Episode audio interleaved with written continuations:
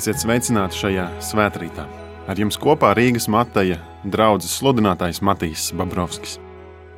Lasījums no Salmana augstās dziesmas, 8. nodaļas, 6. un 7. pāns. Liec mani kā zīmogu uz savas sirds, kā zīmogu uz sava pleca, jo stipra kā nāve ir mīla, grūta kā kaps ir kaisla, tās liesmas kā ugunsliesmas, kunga varanās liesmas Pāli nevar apslēpt mīlestību, un upes nevar to apslīcināt. Ja kāds dotu par viņu visu naudu no sava nama, tas tiktu smietin, apsmiets.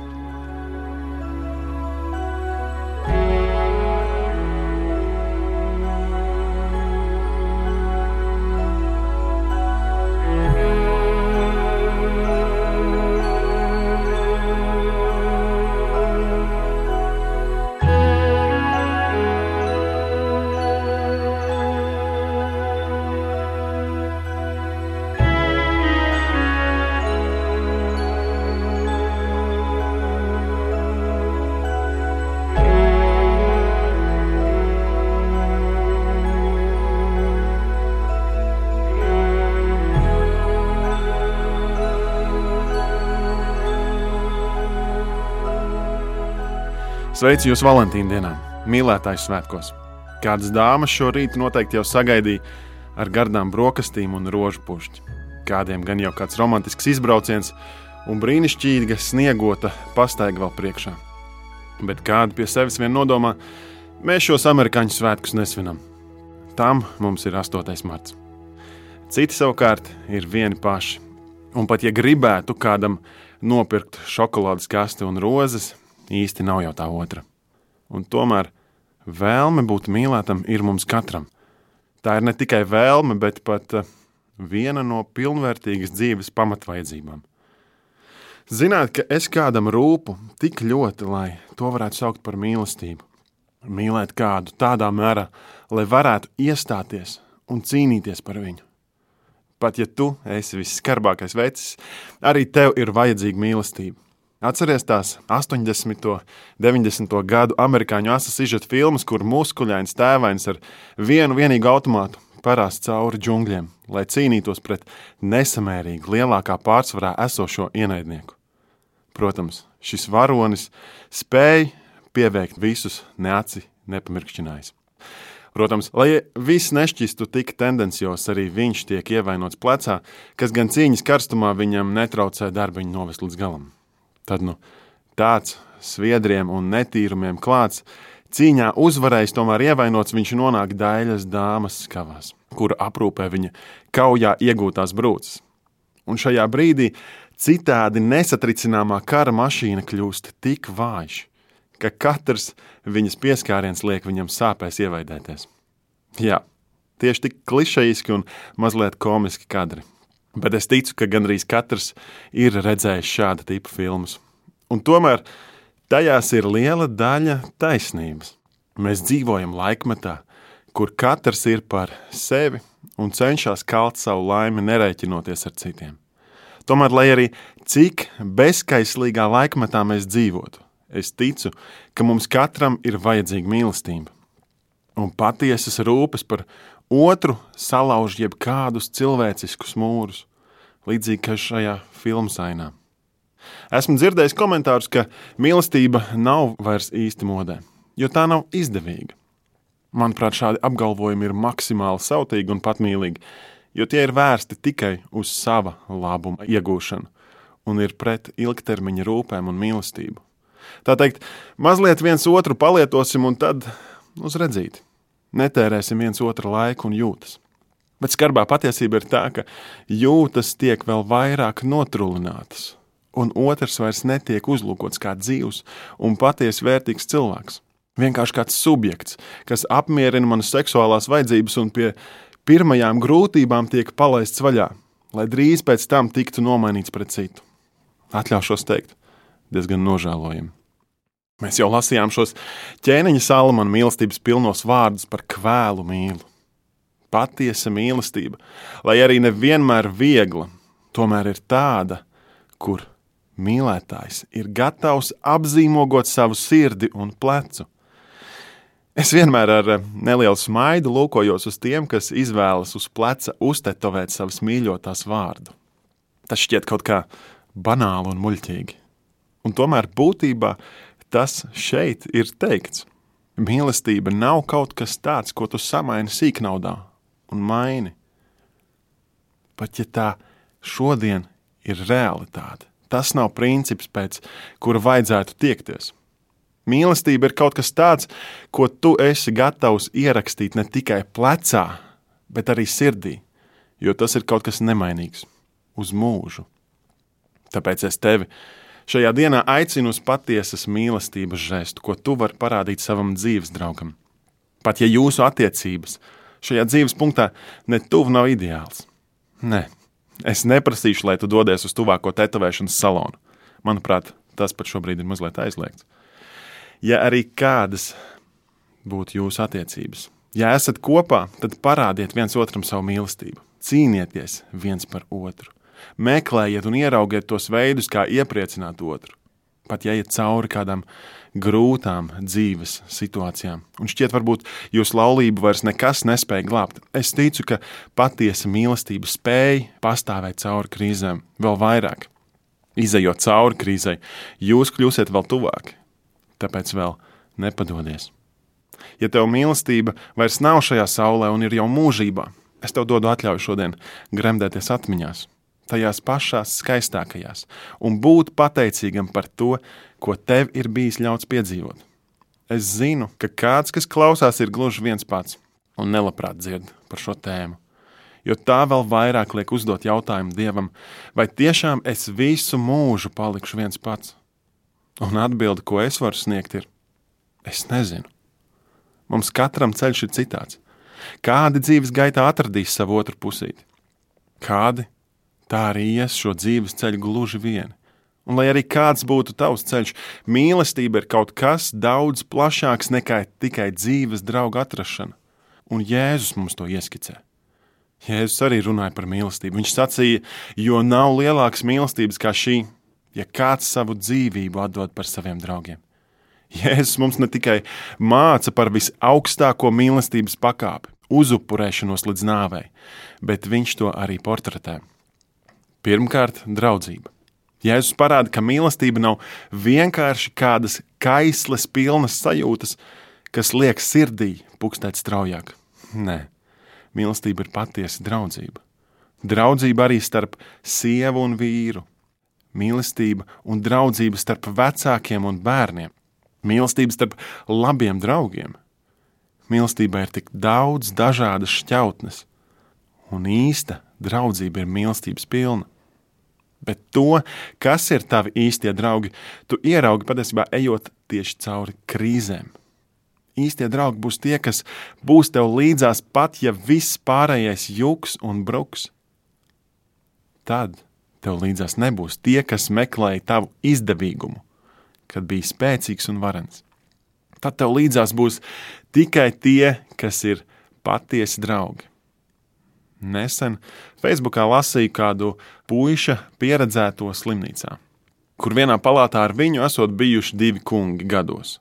Viens no viņiem ļoti kluss un nerunīgs, kamēr otrs pati sabiedrības dvēsele, kas varēs runāt dienām ilgi stāstījis par visām ballītēm, kur bijis un ko tik dzīvē nav redzējis un piedzīvojis. Kamēr klusais vien gulējis un maz ko ir teicis.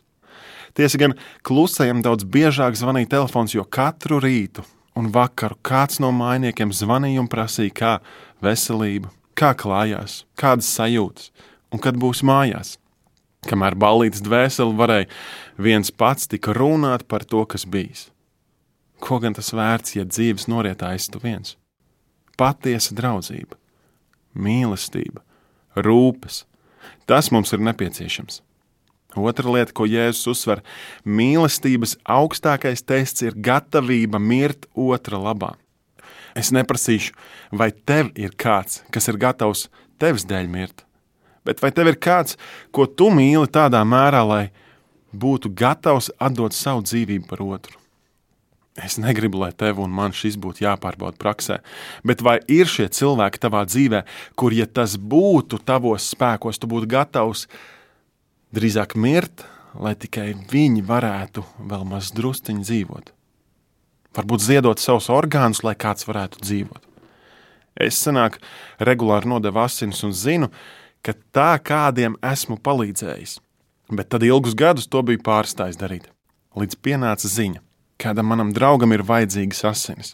Es devos un nodevu asins, un liels bija mans prieks dzirdot no donora centra personāla, ka šim puisim esot nodots tik daudz asinis, ka viņas nebija ko tādu pieredzējušas.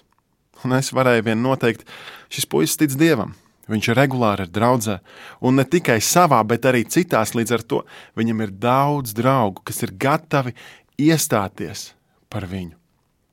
Ja neatdod dzīvību, tad izliet asinis gan lai otrs varētu dzīvot. Izliet asins otrā labā. Tā ir liela mīlestība. Un Jēzus iemieso šo mīlestību vispārākajā pakāpē.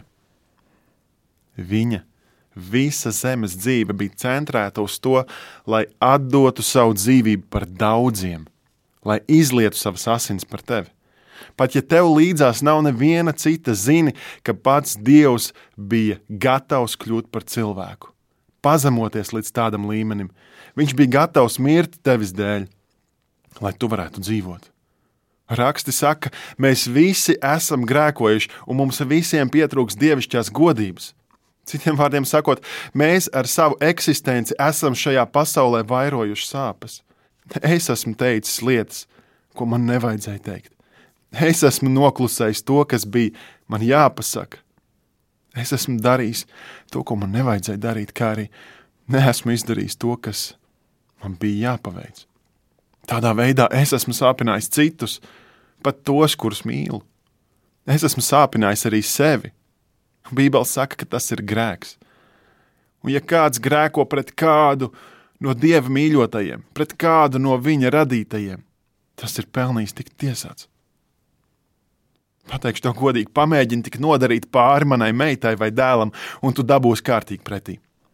Tieši tā jūtas Dievs. Tā atšķirība starp mani un Dievu ir tā, ka Viņš ir gatavs sodu, kas pienākās man, uzlikt Jēzum. Un tā soda ir tik daudz, ka Jēzum bija jāmirst. Tā mēs varam piedzīvot glābšanu. Dievs tevi ir radījis mūžībai, un tava dvēsele to zina. Tā ilgojās pēc sastapšanās ar Dievu. Un pēc tavas fiziskās nāves iestāšanās tev būs jāstājas Dievu priekšā. Jautājums ir par to, vai tā būs priekpilna sastapšanās ar glābēju, vai tomēr tā būs baiļu pilna tiesas diena. Es ceru, ka tu pazīsti Jēzu, un tad viņa nāve un augšām celšanās sniedz tev iespēju dzīvot ar mieru un prieku. Ja tomēr nēsi ar viņu pazīstams, tad zini, ka viņš tevi neprātīgi mīl. Pat ja tu jūties nepelnījis viņa mīlestību, pat ja tu jūties stiprs un varens, pat ja tu jūties melns un maziņš, zini, ka Jēzus deva savu dzīvību par tevi. Viņš tevi mīl tik lielā mērā, ka ir gatavs pieņemt tevi, lai arī ko tu būtu sastrādājis šajā dzīvē. Vēl vairāk. Viņš tev mīl tik lielā mērā, ka neļaus tev stagnēt un palikt uz vietas. Viņš tev vedīs pa svētapšanas ceļu.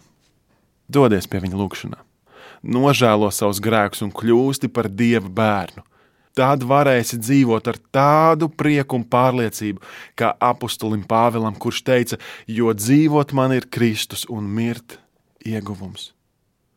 Pirms mēs lūdzam, vien vēlos teikt, ja tev šis svētrīts ir bijis par ticības stiprinājumu, tad es uzaicinu tevi pievienoties man šodien Rīgas matai draudzes dievkalpojumā, pulksten 11.30. Meklē matai draudzes dievkalpojumu tiešraidi YouTube vai Facebook platformās jau pavisam drīz, bet šobrīd lūksim.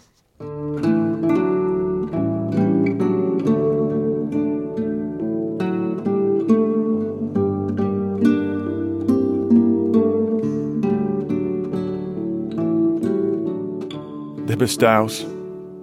Tev pateicos par tavu bezgalīgo mīlestību, ko tu esi parādījis pret mani, ko tu esi parādījis pret mums, ko tu esi parādījis mūsu tautai. Kungs, es nāku tavā priekšā un nožēloju tos brīžus, kur esmu sāpinājis citus, kur esmu sāpinājis savus mīļos, kur esmu sāpinājis tevi. Es lūdzu tev atdošanu, un es lūdzu, lai tu izlai savu mīlestību šajā dienā pār mani, savu žēlastību par mani, savu žēlastību par mūsu tautu, kungs, un velc mūs tuvāk sev, un palīdz mums vairot mīlestību un gaismu un cerību šajā drūmajā laikā. Jēzu, slavu un pateicību Tev par Tavu upuri, ko Tu maksāji tur, atrastamies pie Golgātas krusta. Slāva un pateicība par to, ka tu nepaliki kapā, bet augšām cēlies un esi dzīvs un valdi. Jēzus, tev vienam slava, gods un pateicība kā mūžīgam valdniekam un ķēniņ ķēniņam. Āmen!